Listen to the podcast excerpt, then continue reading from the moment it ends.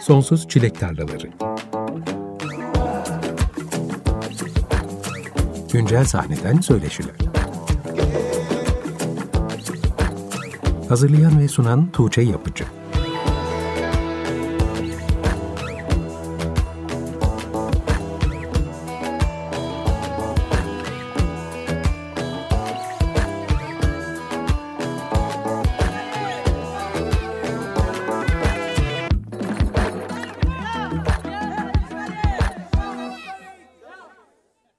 95.0 Açık Radyo'da Sonsuz Çilek Tarlalarına hoş geldiniz. Ben Tuğçe Yapıcı. Bu akşamki birlikteliğimiz saat 21'e kadar sürecek.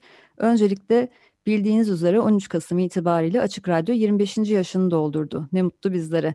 Umarım daha nice nice yıllar Açık Radyo varlığını sürdürür. Biz de hem dinleyici olarak hem de programcı olarak Açık Radyo ile birlikte nefes almaya devam ederiz. İlk dinlediğimiz parça bugünkü konuğum Venson Baykalada'nın Kids Again isimli parçasıydı. Benson Baykala'da solo projesi 2020'de başlayan bir isim olsa da uzun senelerdir yerli müzik sahnesinde aktif olan isimlerden biri. Tanıdık bir ses. Nereden tanıdığımızda hepsini konuşacağız birazdan. Ama bu yılı solo projesiyle bir hayli üretken geçirdi. Ben de Açık Radyo'nun 52. ayın dönemiyle birlikte bu ay başladığım bu programda konuklarımı belirlerken önceliği 2020'nin üretken isimlerine vermeyi tercih ediyorum. Ki sene bitmeden bu senenin yerli sahne muhasebesini tutmuş olalım. Bu nedenle bu akşam 21'e kadar önümüzdeki bir saat boyunca Venson Baykal Ada ile sohbet edeceğiz ve bu yıl yayınladığı Türkçe, İngilizce ve Fransızca şarkıları dinleyeceğiz. Hoş geldin Baykal. Nasılsın? Hoş bulduk. Hoş bulduk Tuğçe. İyiyim. Çok teşekkür ederim. Sen nasılsın? Ben de iyiyim. Çok teşekkürler. Hiç seninle böyle bir sohbet etme fırsatımız olmamıştı bunca senedir. Yeni şarkılar çıktıkça haberleşiyorduk ama o kadar ilk defa bugün kapsamlı bir şekilde sohbet edeceğiz. O yüzden heyecanlıyım biraz. Evet evet doğru söylüyorsun. Aynı şekilde ben de. ee, öyle fırsat bugüneymiş. Şimdi sen bu sene henüz şarkılarını yayınlamaya başlamıştın ki çok geçmeden pandemi ilan edildi. Ama yine de hız kesmeden şarkılarını yayınlamaya devam ettin ve bu sene boyunca 5 single paylaştın. Beşinci single'ın zaten çok taze 6 Kasım'da yayınlandı Gölgeler adlı parça.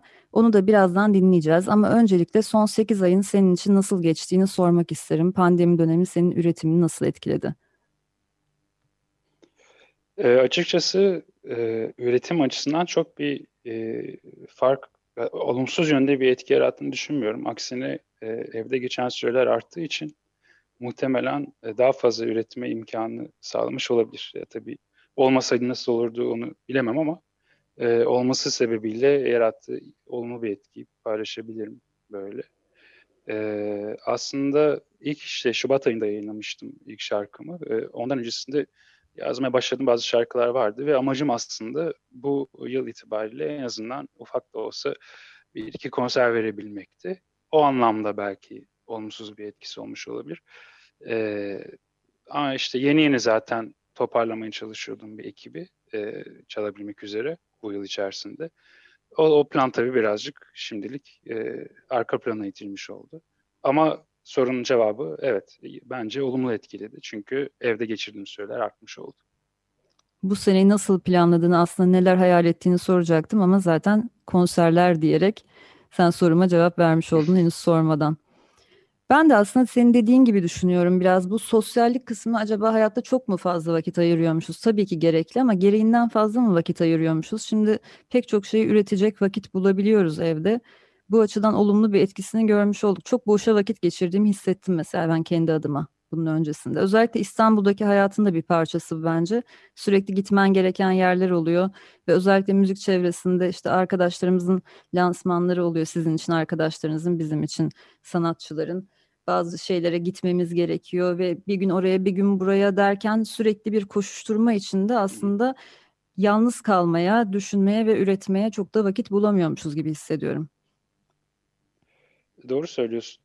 Yalnız bir fark var. E, 2017 işte grup eski grubum Sapan aldıktan sonra işte çocuğum oldu vesaire. Ben zaten bir süre aslında uzak durdum. Yani e, uzak durdum demeyeyim uzak kaldım daha doğrusu o müzik e, hayatına e, ve birazcık hani sık sık dışarı çıkma, sosyal hayat birazcık azalmış oldu. Bir yandan da zaten müzik e, gelir kaynağım olmadığı için e, profesyonel olarak ilgilenen başka bir işim de var. E, onunla da birazcık daha fazla e, haşır neşir olunca ben hepten zaten hani bu pandemi olsa da olmasa da birazcık kopuk bir şekilde tekrar e, başlayacaktım e, bu proje kapsamında e, müzik işine. E, pandemi olunca da zaten e, biraz ellerim elim kolum bağlı olmuş oldu. Zaten yapacak yediysem de yapamadım. Ama uzak kalmıştım esasında. Bu son senelerdeki üretim sürecine birazdan geleceğiz ama öncesinde ilk dinlediğimiz parça olan Kids Again'den biraz bahsedelim istiyorum. Çocukluğa duyulan yoğun bir özlemden doğduğunu ve yetişkin bir birey olarak karşılaştığımız olaylara çocuk gözlerimize tekrar bakabilme çabasına dair bir paylaşım yapmıştın. Çocukluk senin için ne ifade ediyor ve sana hangi hisler ve düşünceler bu şarkıyı yazdırdı? Ee, çocukluk bana genel itibariyle herhalde güzel bir çocukluk geçirmiş olmam sebebiyle olacak ki mutlu anları daha hür, özgür, e, yani sorumluluk illa mutlak suretle özgürlük kısıtlayan bir şey mi bilmiyorum ama yetişkin insanların dünyası e, bana biraz yapay gelebiliyor. E, insan ilişkileri açısından demiyorum sadece. Kurumlar, e, buna benzer e, başka öğeler bana biraz yapay geliyor. Bir yerde gerekli fakat fazla önem bence atfediliyor bazı şeylere. Halbuki çocukken önem verdiğimiz şeyler biraz daha farklı, daha naif, e, bence daha gerçek. Yani daha hayatın içinde. E, sanırım böyle 30 yaşları da birazcık geçince insan çocukluğunu daha bir hatırlar oluyor. En azından ben öyle bir e, deneyim yaşadım. Belki baba ee, olmanın da biraz etkisi olmuştur tekrar çocukluk üzerine düşünmende. Muhakkak. Ee, başka bir şey tabii çocuk e, sahibi olmak, baba olmakla insanın kendi çocukluğunu yaşaması iki ayrı şey. Ee, ama kesinlikle etki ediyor. Yani şunu çok hayal ediyorum. Hani yaşamaya da başladım e, oğlum büyüdüğü için de biraz. Çocukken yapabildiğin şeyler var. Oynadığın oyunlar vesaire. Mesela çok basit bir şeyden ürkmek veya çok basit bir şeyden e, mutluluk duymak, eğlenmek. Bunları unutuyoruz çünkü. E, bunları tekrar yavaş yavaş yaşıyorum e, doğayla, oğlumla. O, o da kesinlikle etki etmiştir.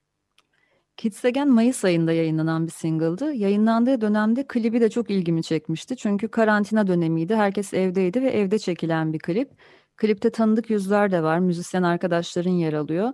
Nasıl gelişti bunun çekim süreci? Herkes kendisi şarkıyı evde playback yapıp görüntüleri çekip sana mı gönderdi?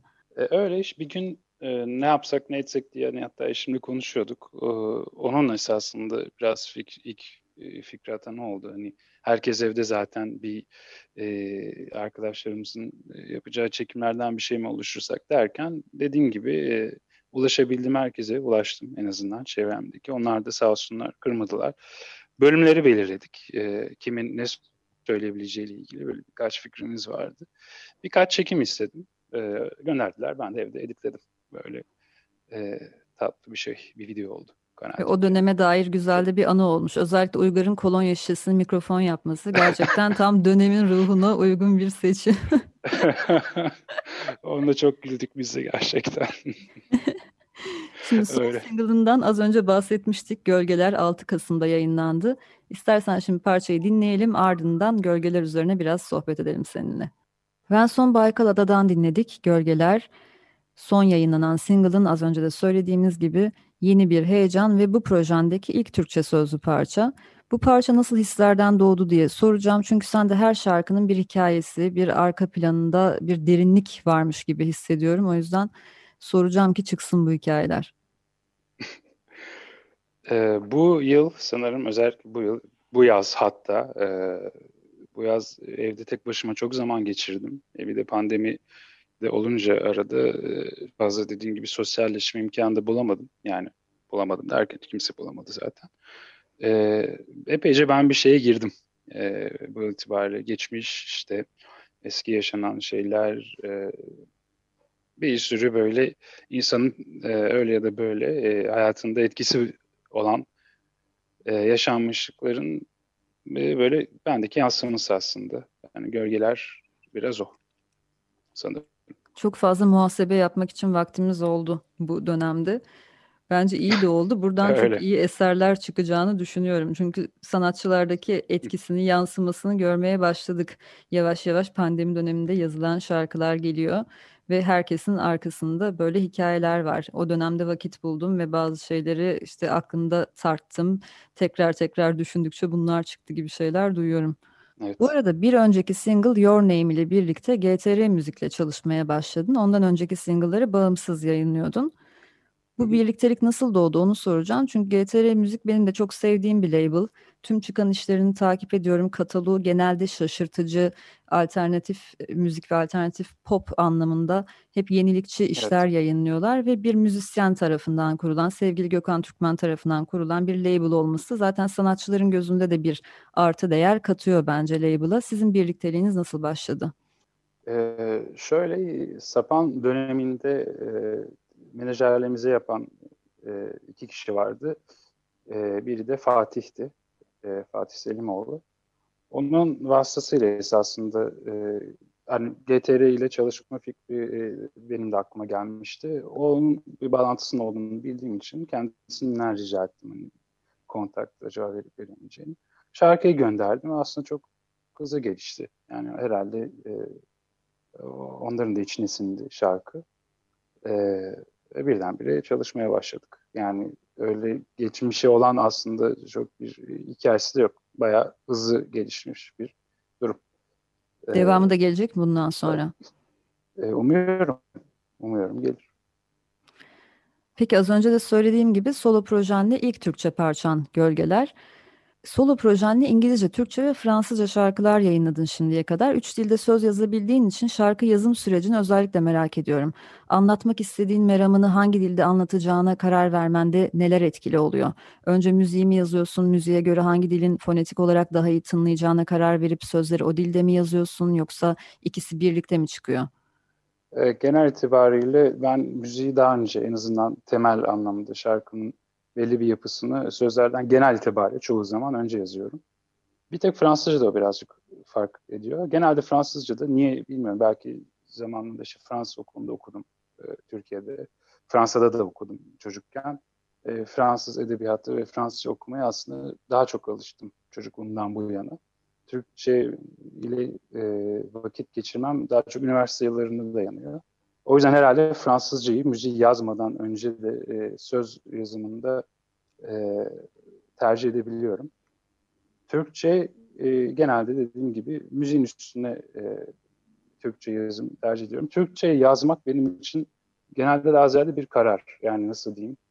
Bu şarkıyı Türkçe yazayım. Biraz challenge nasıl diyeyim? Benim için bir bir uğraş, ekstra bir uğraş oluyor. Nedenini ben de bilmiyorum. Sanırım yaptığımız müziğin e, kökeninin tam anlamıyla Türk müziği olmaması ve çocukluğumdan bu yana genelde bu müziği İngilizce dinlemiş olmamdan kaynaklanıyor. Ee, Ama Türkçe ana dilin değil mi Türkçe? Evet evet babam Türk e, ana dilim Türkçe. Ee, ama yani yaptığımız müzik ve bu müziği hangi dilde dinlemiş olduğumuz da etkili oluyor ya birazcık bu anlamda. Ee, dolayısıyla uzun zaman benim Türkçe yazmak hep en son tercihim oldu. Yani İngilizcemin daha iyi olmasından kaynaklanmıyor tabii bu. E, Fransızca ayrı. Dediğim gibi Fransızca edebiyata e, daha bir e, şeyim. Çocukluğumdan kaynaklı bir etki bu. Daha e, yönelmiş durumdayım. E, ama işte Asapan'la da zaten hep e, onu da yaşadık. E, onun zorluğunu da yaşadık. Hani Türkçe yazmayı tercih ediyorlardı onlar. Türkçe sözlü şarkılar yayınlamayı. E, daha fazla çalışmam ve üzerine daha fazla düşünmem gereken bir konu esasında Türkçe söz yazımı. İlginç bir şekilde öyle. Peki şarkı sözlerindeki bu çok dilli durumun senin müziğini Türkiye sınırları dışındaki dinleyicilere de ulaştırmanda etkili olabileceğini düşünüyor musun? Genel anlamda yurt dışı veya spesifik olarak Fransa'daki dinleyicilere ulaşmak için herhangi bir girişimde bulundun mu? E, ufak tefek kendi çapımda e, oldu ama çok bir netice alabildiğimi söyleyemem. E, bence tek başına e, bir kişinin bir şarkı yayınlaması ve kendi e, e, imkanıyla birilerine yönlendirmesi o şarkının o kişilere veya istediği, beklediği kitleye ulaşmasının sağlanması için yeterli olmayabiliyor. Yani biraz araya e, nasıl diyeyim e, gerçekten o kişilerle iletişimi olan, o kişileri tanıyan, o çevreyi bilen, oranın e, o sektörün dilini daha iyi bilen birileri aracılığıyla gittiğinde daha büyük bir şans tabii. E, tabii şu da bir her zaman bir mümkün yani yaptığım şarkı çok beğenilmeyebilir. E, bu ayrı bir konu. E, ama beğenilecek olsa dahi e, bir yere ulaşması şarkının iyi veya beğenilecek olmasından biraz bağımsız şeyler ve ben açıkçası e, bu e, nasıl diyeyim bu anlamda iletişim kurmakta çok becerikli değilim. Yani saatlerimi de bu arada harcadım. Hangi plak şirketleri var yurt dışında, hangi bloklar var vesaire bütün bunlara baktım, gönderdim. E, bir dönüş falan aldım. iki dönüş pardon. Evet, Yine iyi tabii. Hiç öyle. olmamasından iyi. Dediğin gibi beğenilip beğenilmemesinden ziyade sen yüzlerce yurt dışındaki basına, bloklara, pek çok işte yayın kuruluşuna göndersen de maillerini, basın kitlerini ancak birkaç tanesinin açıldığını zaten görüyorsun sonunda. Ve evet. beğeniyle kesinlikle alakalı değil. Dediğin gibi orada farklı ilişkiler devreye giriyor. Peki o zaman şimdi bir şarkı daha dinleyeceğiz ama bu sefer senden değil başka birisinden benim yine çok sevdiğim, çok uzun senelerdir takip ettiğim Ahu'dan gelecek bu parça. Belki sen de biliyorsundur Ahu'yu. İlk defa 2010 senesinde To Love parçasıyla ben tanımıştım. O zaman daha MP3'ler dolaşıyordu ortalıkta. O şekilde bulmuştum ve kim olduğunu da bilmiyordum uzun seneler boyunca. Ve o zamandan beri ne zaman Ahu'dan yeni bir şey gelse ben mutlu olurum. Şimdi de yeni bir albüm var 30 Ekim'de yayınlanan Avustralya menşeli plak şirketi Inner Tribe Records etiketiyle yayınlanan Platonic albümünden bir parça dinleyeceğiz. Seçtiğim parçanın ismi Bomdia Mercury Conjunct Pluto. Öyleyse Ahu'dan gelsin sonra sohbetimize kaldığımız yerden devam edelim. Ahu'dan dinledik. Bomdia Mercury Conjunct Pluto. Sonsuz Çilek Tarlalarında 95.0 Açık Radyo'da ben Son Baykalada ile olan sohbetimize kaldığımız yerden devam ediyoruz. Biz seni 2010-2017 seneleri arasında aktif olan Sapan grubunun vokalisti olarak tanımıştık aslında. Programın başında söylemiştim aslında yeni bir proje, yeni bir isim ama senelerdir 2010'lar boyunca yerli alternatif sahnede aktif olan bir isim ve tanıdık bir ses demiştim. Şimdi nereden tanıdığımıza geldik. Sapan'da şarkı yazımı anlamında da etkili olduğunu biliyoruz. Çoğunlukla senin kaleminden çıkıyordu şarkılar demek yanlış olmaz sanırım. 2017'de Sapan dağıldığını açıkladı. Sapan da aynı zamanda 2010'ların ilk yarısında şimdi aslında var olmayan büyük sahnelerde, büyük festivallerde, Rock'n'Coke gibi, One Love gibi kendisine yer bulabilmiş, önemli yarışmalarda dereceler kazanmış, alternatif sahnenin öne çıkan gruplarından biriydi. İçinde bulunduğumuz dönemde 7 senede bir grup için kısa sayılmayacak bir birliktelik bence. Onca senenin, onca yolun, onca emeğin ardından sapanın dağılması senin müzikle olan ilişkini nasıl etkiledi? Başta çok iyi etkilemediğini söyleyebilirim. Hatta e, bir süre uzak durmak dahi istedim müzikten. Zaten çok e, elimde gitmedi. Aklımda çok gitmedi. Konserlere gitmek de eziyetti. Bir, bir dönem öyle yaşadım yani e, bir dönemi. E, çünkü sonuçta müzisyen olup e, işte konser vermek, işin e, içinde böyle aktif olmak ve bir konsere gitmek çok farklı bir şey. E, tamamen müzikten koptuktan sonra bir konsere gitmek çok farklı hisler yaratıyor. E, hem sahneye çıkmak istiyorsunuz ama ortada bunu imkan sağlayacak bir durum yok. Hem e, uzun zamandır işte yaşamış olduğunuz o güzel duyguları yaşatan olgu unsur ortadan kalkmış oluyor. Dolayısıyla çok zorlandım ben hakikaten.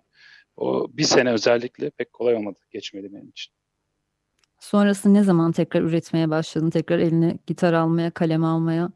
Yavaş yavaş 2018'in ortalarına doğru sanırım. Ama çok yavaş. Yani daha önce evde kayıt yapma durumumuz çok olmuyordu. Onu biraz öğrenmiş oldum. Zaten bu sayede şu an evde üretip yayınlayabiliyorum şarkıları. Ee, işte yazılım indirdim. Ee, ses kartı aldım. Küçük bir sistem kurmaya çalıştım.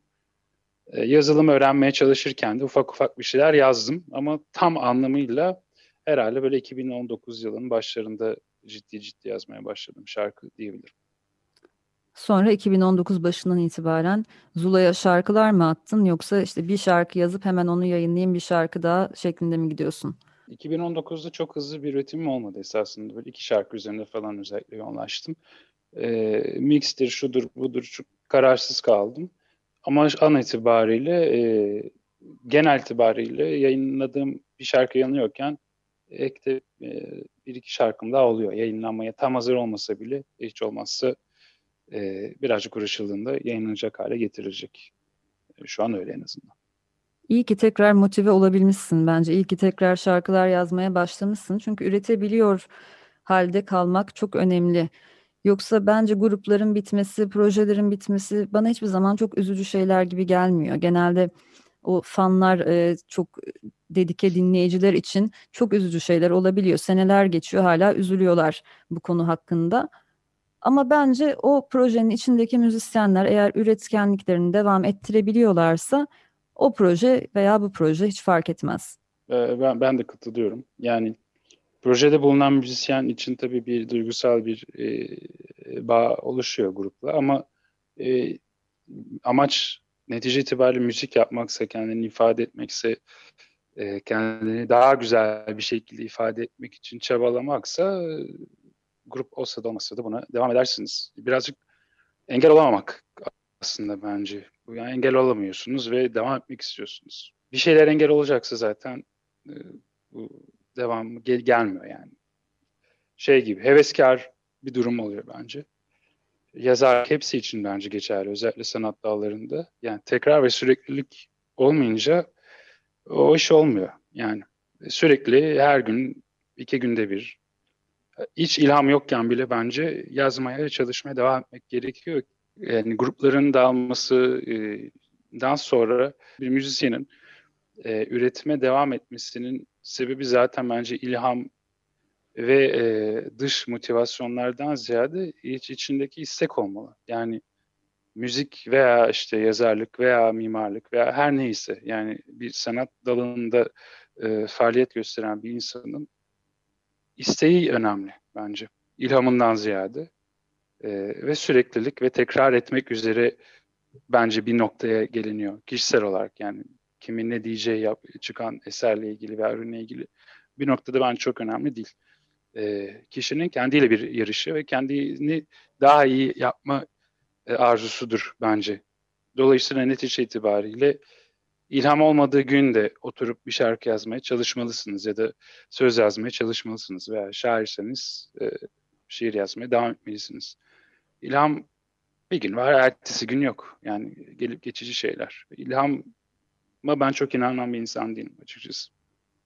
İlham gelmediği zaman peki ne yapılabilir sence o kanalları açmak için, biraz zorlamak için kendini?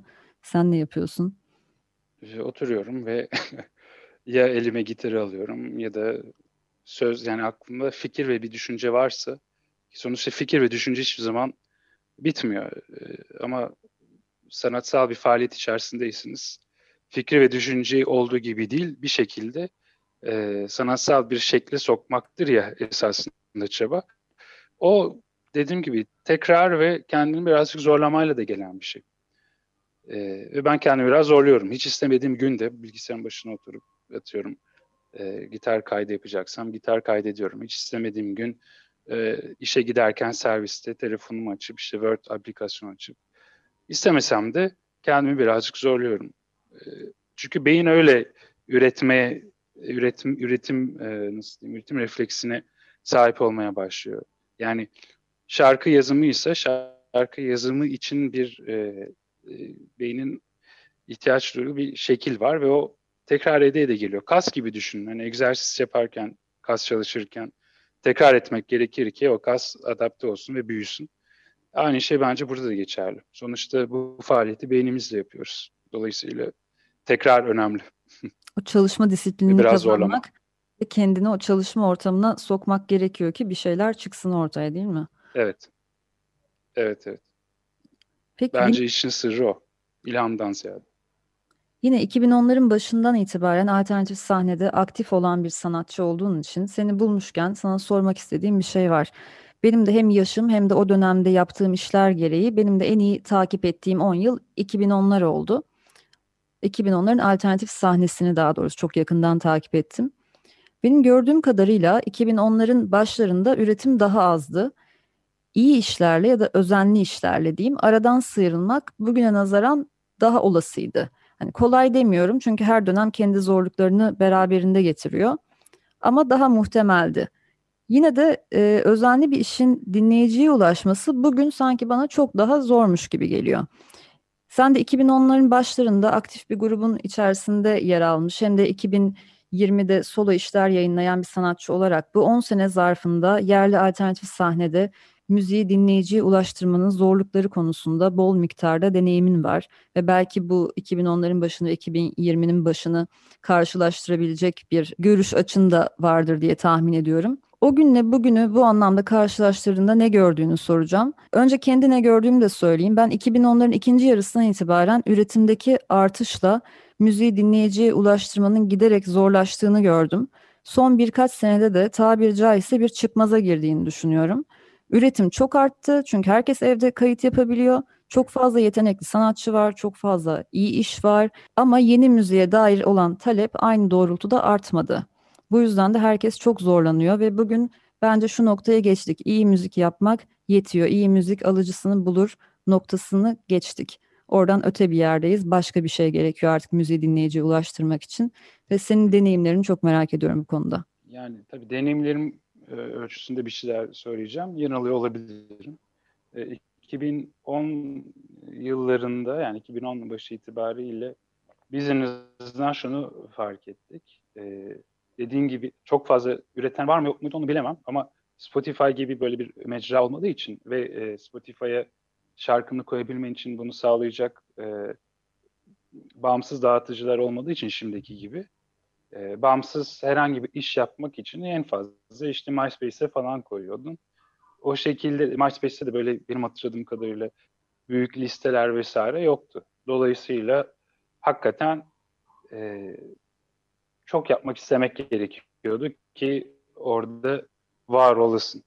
Şimdi ise e, hem kayıt kayıt imkanları, teknik imkanların işte evde yapabiliyor olmak gibi imkanların artmış olması hem de isteyen istediği zaman istediği şarkıyı yayınlayabilecek konumda olduğu için e, yani o yüzden emin değilim mesela. Gerçekten üretim mi arttı yoksa e, paylaşım imkanları kolaylaştı mı çok bilmiyorum. Belki de dediğin gibidir.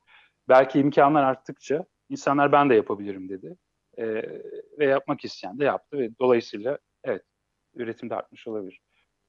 Şu kesin e, 2010'larda bence daha fazla filtre vardı. Yani e, bir yere gelmek veya göz önüne e, çıkabilmek için insanların seni fark edebilmesi için daha fazla filtreden geçmen gerekiyorken şu an sanki e, bir iki adımla çok daha kolay bir şekilde e, ortaya çıkabiliyorsun. Bunun iyi tarafları da var, kötü tarafları da var. E, filtre daha muhafazakar ve daha kapalı e, bir yaklaşım e, bir sonuç daha doğrusu doğurabiliyorken aynı zamanda e, nitelikli işlerin daha fazla göz önünde bulunmasını da sağlayabilen bir şey. Sonuçta e, her şey her zaman iyidir diye, daha fazla daha iyidir diye bir şey yok. Yani nitelik, e, nicelik ilişkisi e, biraz farklı bir konu. Dolayısıyla bugün bence e, paylaşım yani bu kadar fazla seçeneğin içerisinde kaybolma ihtimali bence daha yüksek. Ben öyle hissediyorum en azından. Filtreden kastın tam olarak ne? Onu sorayım geçmeden Filtre oraya. Şu, e, filtreden kastım e, senin şarkının bir yere gelmesi için veya senin grup olarak veya müzisyen olarak bir yerde var olabilmen için e, bazı aracılardan geçmen gerekiyor. İşte bu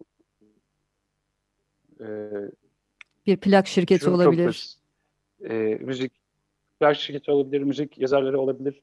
E, işte ne bileyim e, festival düzenleyen kişiler olabilir falan filan. Biz sonuç itibariyle Sapan'layken e, hiçbir tanıdığımız hemen hemen yok. Yani Hikmet'in çok az böyle bir çevresi vardı. Ama genel itibariyle e, nasıl diyeyim?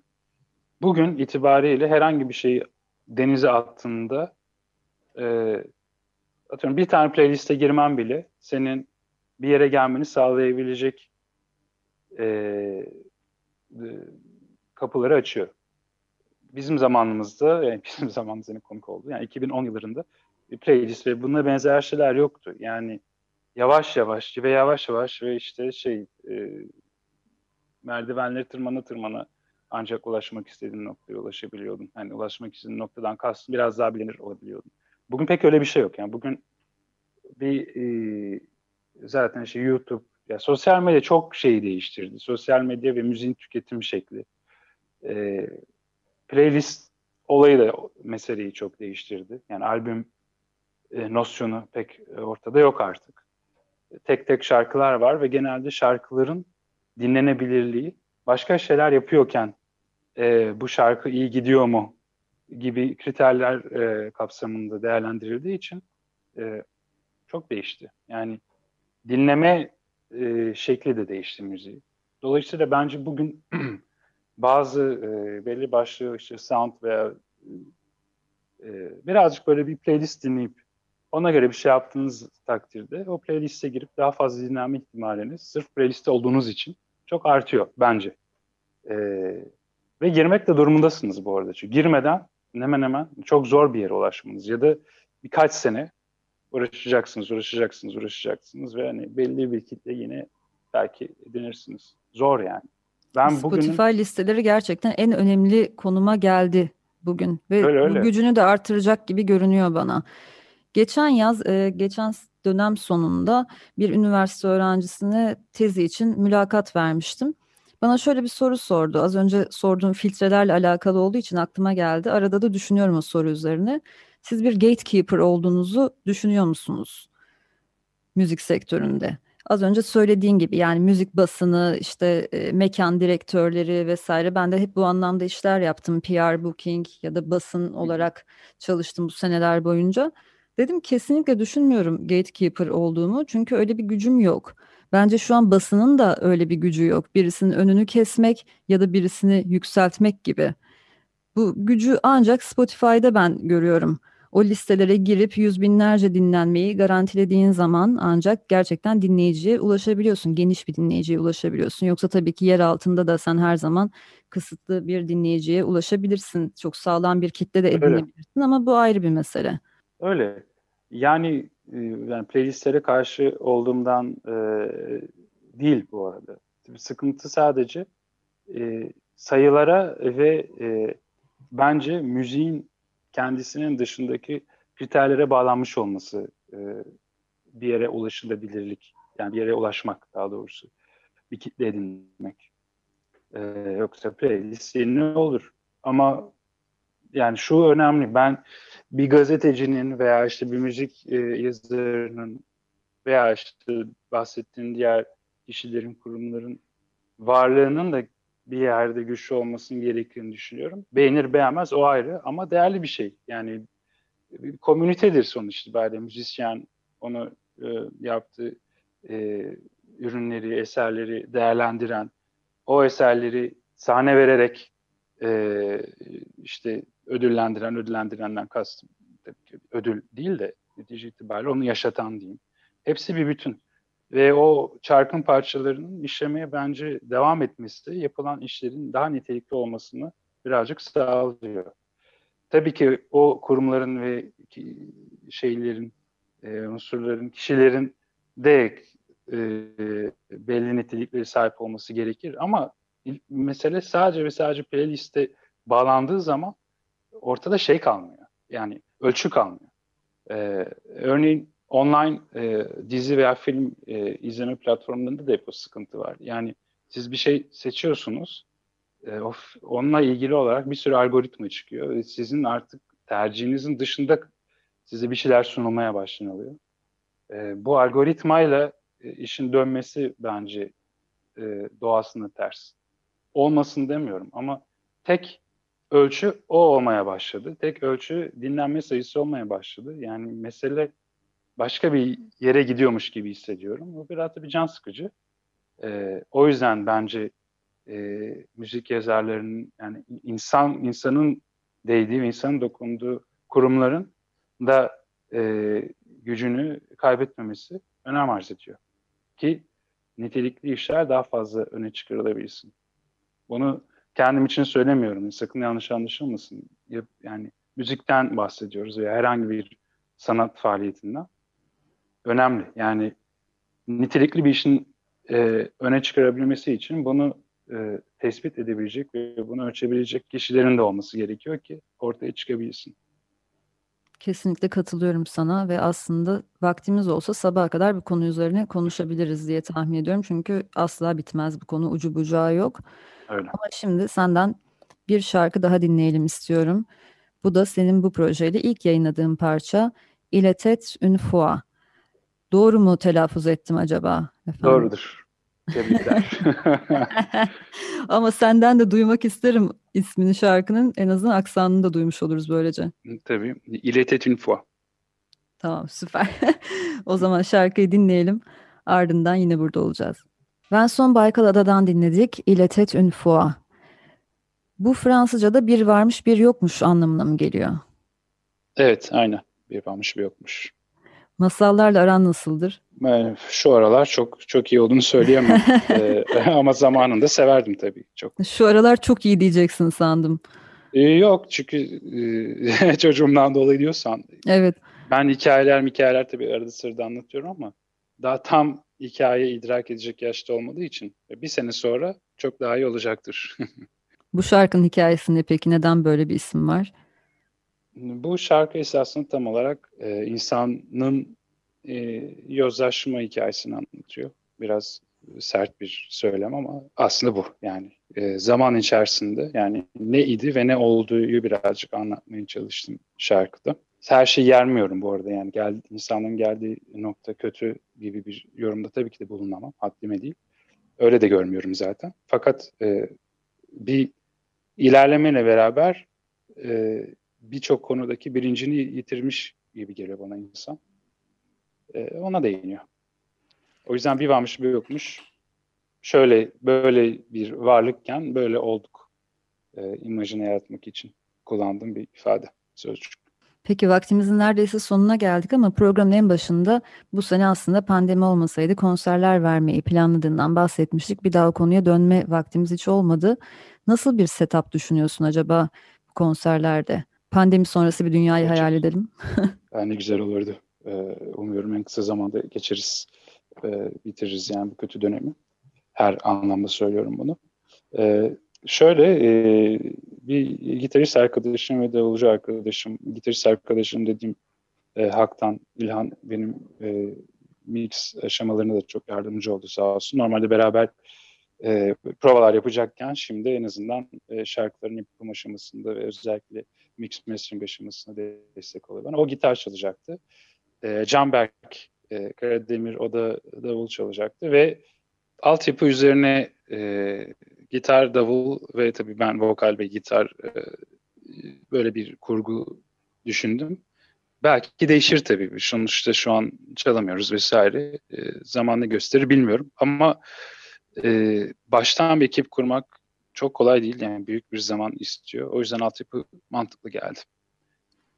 Peki son single çok yakın zamanda yayınlandı. Hemen tekrar ne zaman yeni bir şeyler gelecek diye sormak hoş değil biliyorum ama bundan sonra neler planlıyorsun, neler gelecek, tezgahta neler var bu ara? Yani şu an kaydını neredeyse tamamladığım bir şarkı var. Ee, yine Türkçe olacak. Ee, kaydını bitirdiğim başka bir şarkı da vardı ama onu herhalde bekleteceğim biraz daha. Bir de taslak e, bir şarkı. Yani var aslında bir şeyler var. E, ne zaman yayınlanır onu ben de çok bilmiyorum. Ama e, umuyorum 6 ay sonra falan değil. E, daha yakın bir zamanda yayınlanacağını düşünüyorum. Bir şarkı. Peki o zaman biz de heyecanla bekleyeceğiz. Senin solo projenin gelişimini heyecanla takip edeceğiz. Ve bu sene bitmeden seni burada konuk edebildiğim için çok mutluyum. Çünkü bence senenin önemli işlerinden birisine imza attın. Ve bu üretkenliğinin de devamını diliyorum. Ben çok teşekkür ediyorum yer verdiğin için e, programda. E, çok mutlu oldum. Çok teşekkürler tekrar. Öyleyse şimdi son bir şarkıyla sizlere veda edeceğiz. Bu haftalık Sonsuz Çilek Tarlalarının sonuna geldik. Açık Radyo'nun 25. yaşını tekrar kutlayarak programı bitiriyorum ve bizden sonra Vertigo ile yayın devam edecek. O yüzden siz lütfen bir yere ayrılmayın. Son olarak Venson Baykal Ada'dan Your Name'i dinleyeceğiz. Herkese iyi akşamlar.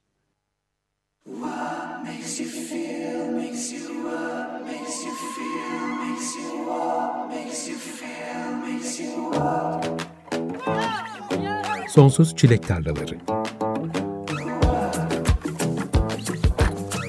Güncel sahneden söyleşiler. Hazırlayan ve sunan Tuğçe Yapıcı